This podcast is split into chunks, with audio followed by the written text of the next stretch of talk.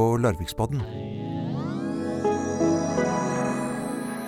Det er jo ikke veldig mange plasser og gater som er oppkalt etter damer eh, i Larvik. Eh, men nå har vi kommet litt i gang, og den ene som har fått en eh, plass oppkalt etter seg, det er Edle Hartmann. Og hvem var Edle Hartmann? Jo, eh, Edle Hartmann hun eh, kom jo da fra, fra Larvik og var eh, journalist og forfatter. Og det, det var hun da i, i ei tid hvor det ikke var, var noen sånn vanlige jobber for kvinner. Og Edel Hartmann hun vokste opp i en, i en embetsmannsfamilie i Larvik. Faren hennes var jobba på den høyere skolen som holdt til i, i herregården. Og sjøl så bodde hun da i Buggegården, som da var et av de mest fasjonable strøka i Larvik før jernbanen kom. Og så flytta etter hvert eh, til Oslo, og der ble hun en del av et, et miljø um, prega av ja, kunstnere, diktere og et litt mer sånn radikalt miljø enn det, enn det hun var, var, vokst opp i sjøl. Og så, og så blei jeg da etter hvert hanka inn eh, av VG å, som, som, journalist. Og det var jo en litt sånn spesiell historie, for hun hadde da bare levert en notis til, eh, til VG som av alle ting handla om murene rundt Uranienborg kirke. Men uh, likevel så må den, uh, må den, notisen ha gjort sterkt inntrykk på, på, redaktøren. fordi etter det så, så tilbød han henne fast jobb i avisa, og det var jo da i 1893. Mm. Og så jobba da både for Aftenposten og Tidens Tegn, og skrev små stykker. Hun var jo, var jo en veldig sånn skarp observatør av menneskene rundt seg, og hadde en egen evne til å skrive morsomt og levende om det miljøet som hun var en, en del av. Og mye av det hun som hun skrev, det var så, såpass bra eh, at det blei utgitt eh, i bokform. Og hun skrev jo da under pseudonym, så hun brukte ulike pseudonymer, f.eks. da Sphinx, som mm. bøkene hennes kom ut uh, uh, under det navnet, da. Men uh, hvorfor brukte hun pseudonym når hun skrev bøker?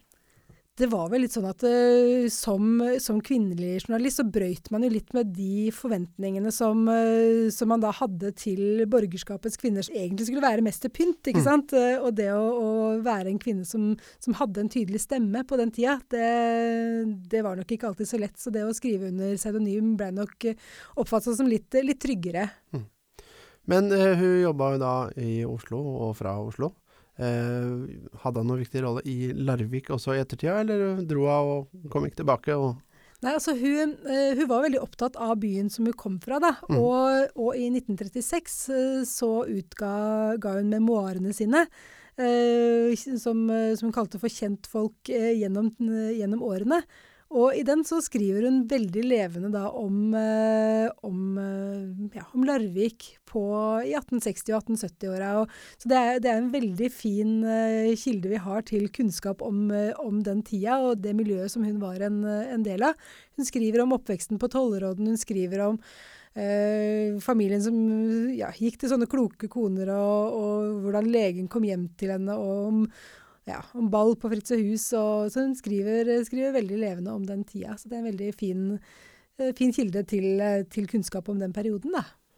Er det her litteratur som er eh, som praktisk tilgjengelig i dag, og som folk i dag vil ha noe, noe glede av å lese, tror du?